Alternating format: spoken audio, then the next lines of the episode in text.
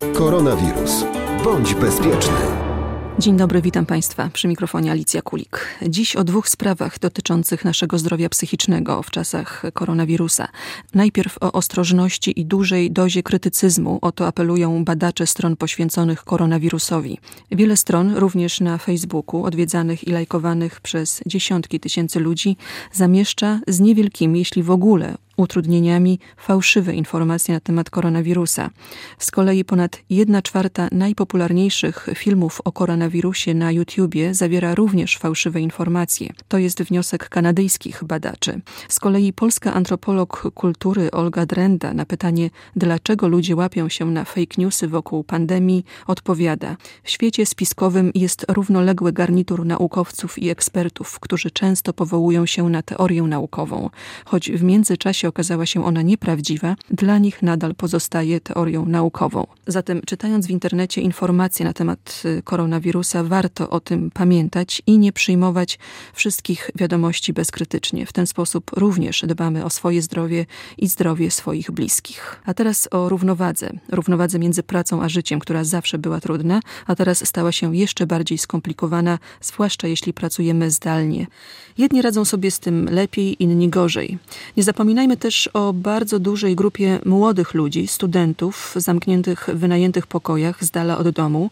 Wielu z nich utrzymywało się samodzielnie lub dokładało do pieniędzy z domu. Teraz oni również stracili pracę. Zatem oprócz samotności, konieczności radzenia sobie z nauką online, równowagą praca-życie, dochodzi jeszcze niepewność o jutro i trwa to nie tydzień, nie dwa, ale ponad dwa miesiące. Recepta na długotrwale obniżone samopoczucie, prowadzące często do depresji, gotowa.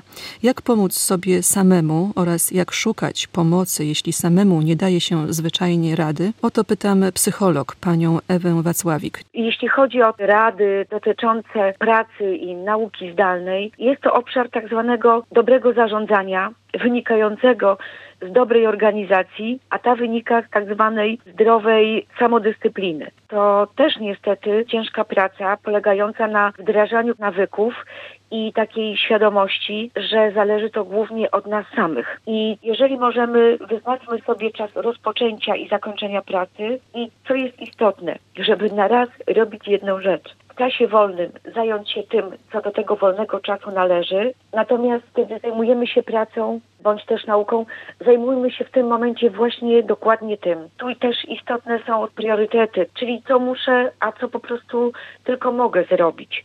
Osoby, które na co dzień pracują zdalnie, właśnie z wyboru, twierdzą, że zdrowa samodyscyplina i rytuały pozwalają im zachować właściwy rytm dobowy. To nie jest tak, że zawsze musimy być kreatywni i bardzo twórczy. Czasami w takich, zwłaszcza trudnych czasach, rutyna pozwala nam zaoszczędzić y, sporo energii i sprzyja właśnie takiej optymalizacji działań. Przy czym no, pamiętajmy, żeby nie doprowadzić do tak zwanej stagnacji. Chodzi o to, że jak już się zakotwiczymy do komputera, to czasami trwamy tak cały dzień, potem drugi.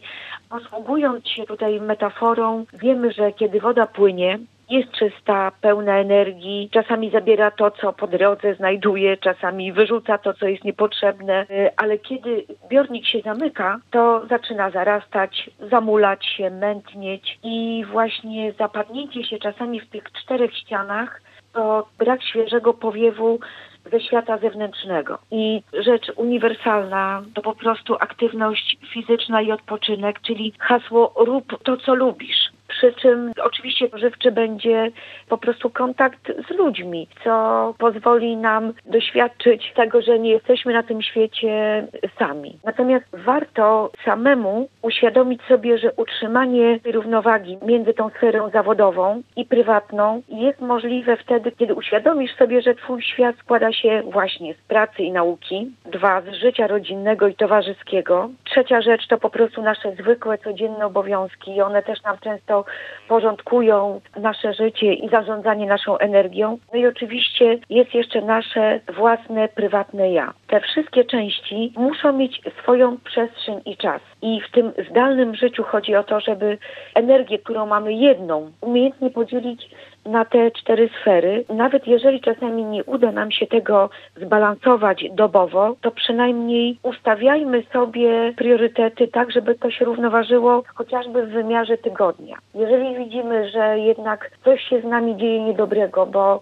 już nie chcemy odbierać telefonów od znajomych, sami nie chcemy z nikim utrzymywać kontaktu, spada nam energia, nie zależy nam ani na pracy, ani na osiągnięciach w nauce. Widzimy, że już zaniedbaliśmy się tak, że rzeczywiście trudno wyjść z tego domu. To może warto jest skorzystać rzeczywiście z takiego wsparcia kogoś, kto jest z zewnątrz, kto potrafi pokierować rozmową z nami w taki sposób, żebyśmy odnaleźli problem, czy poszukali sensu, który na tu i teraz pozwoli nam podźwignąć się i znaleźć energię do działania. O równowadze między pracą, nauką a życiem mówiła psycholog pani Ewa Wacławik. Dziękuję. Bardzo dziękuję i y, wszystkich serdecznie pozdrawiam. Koronawirus.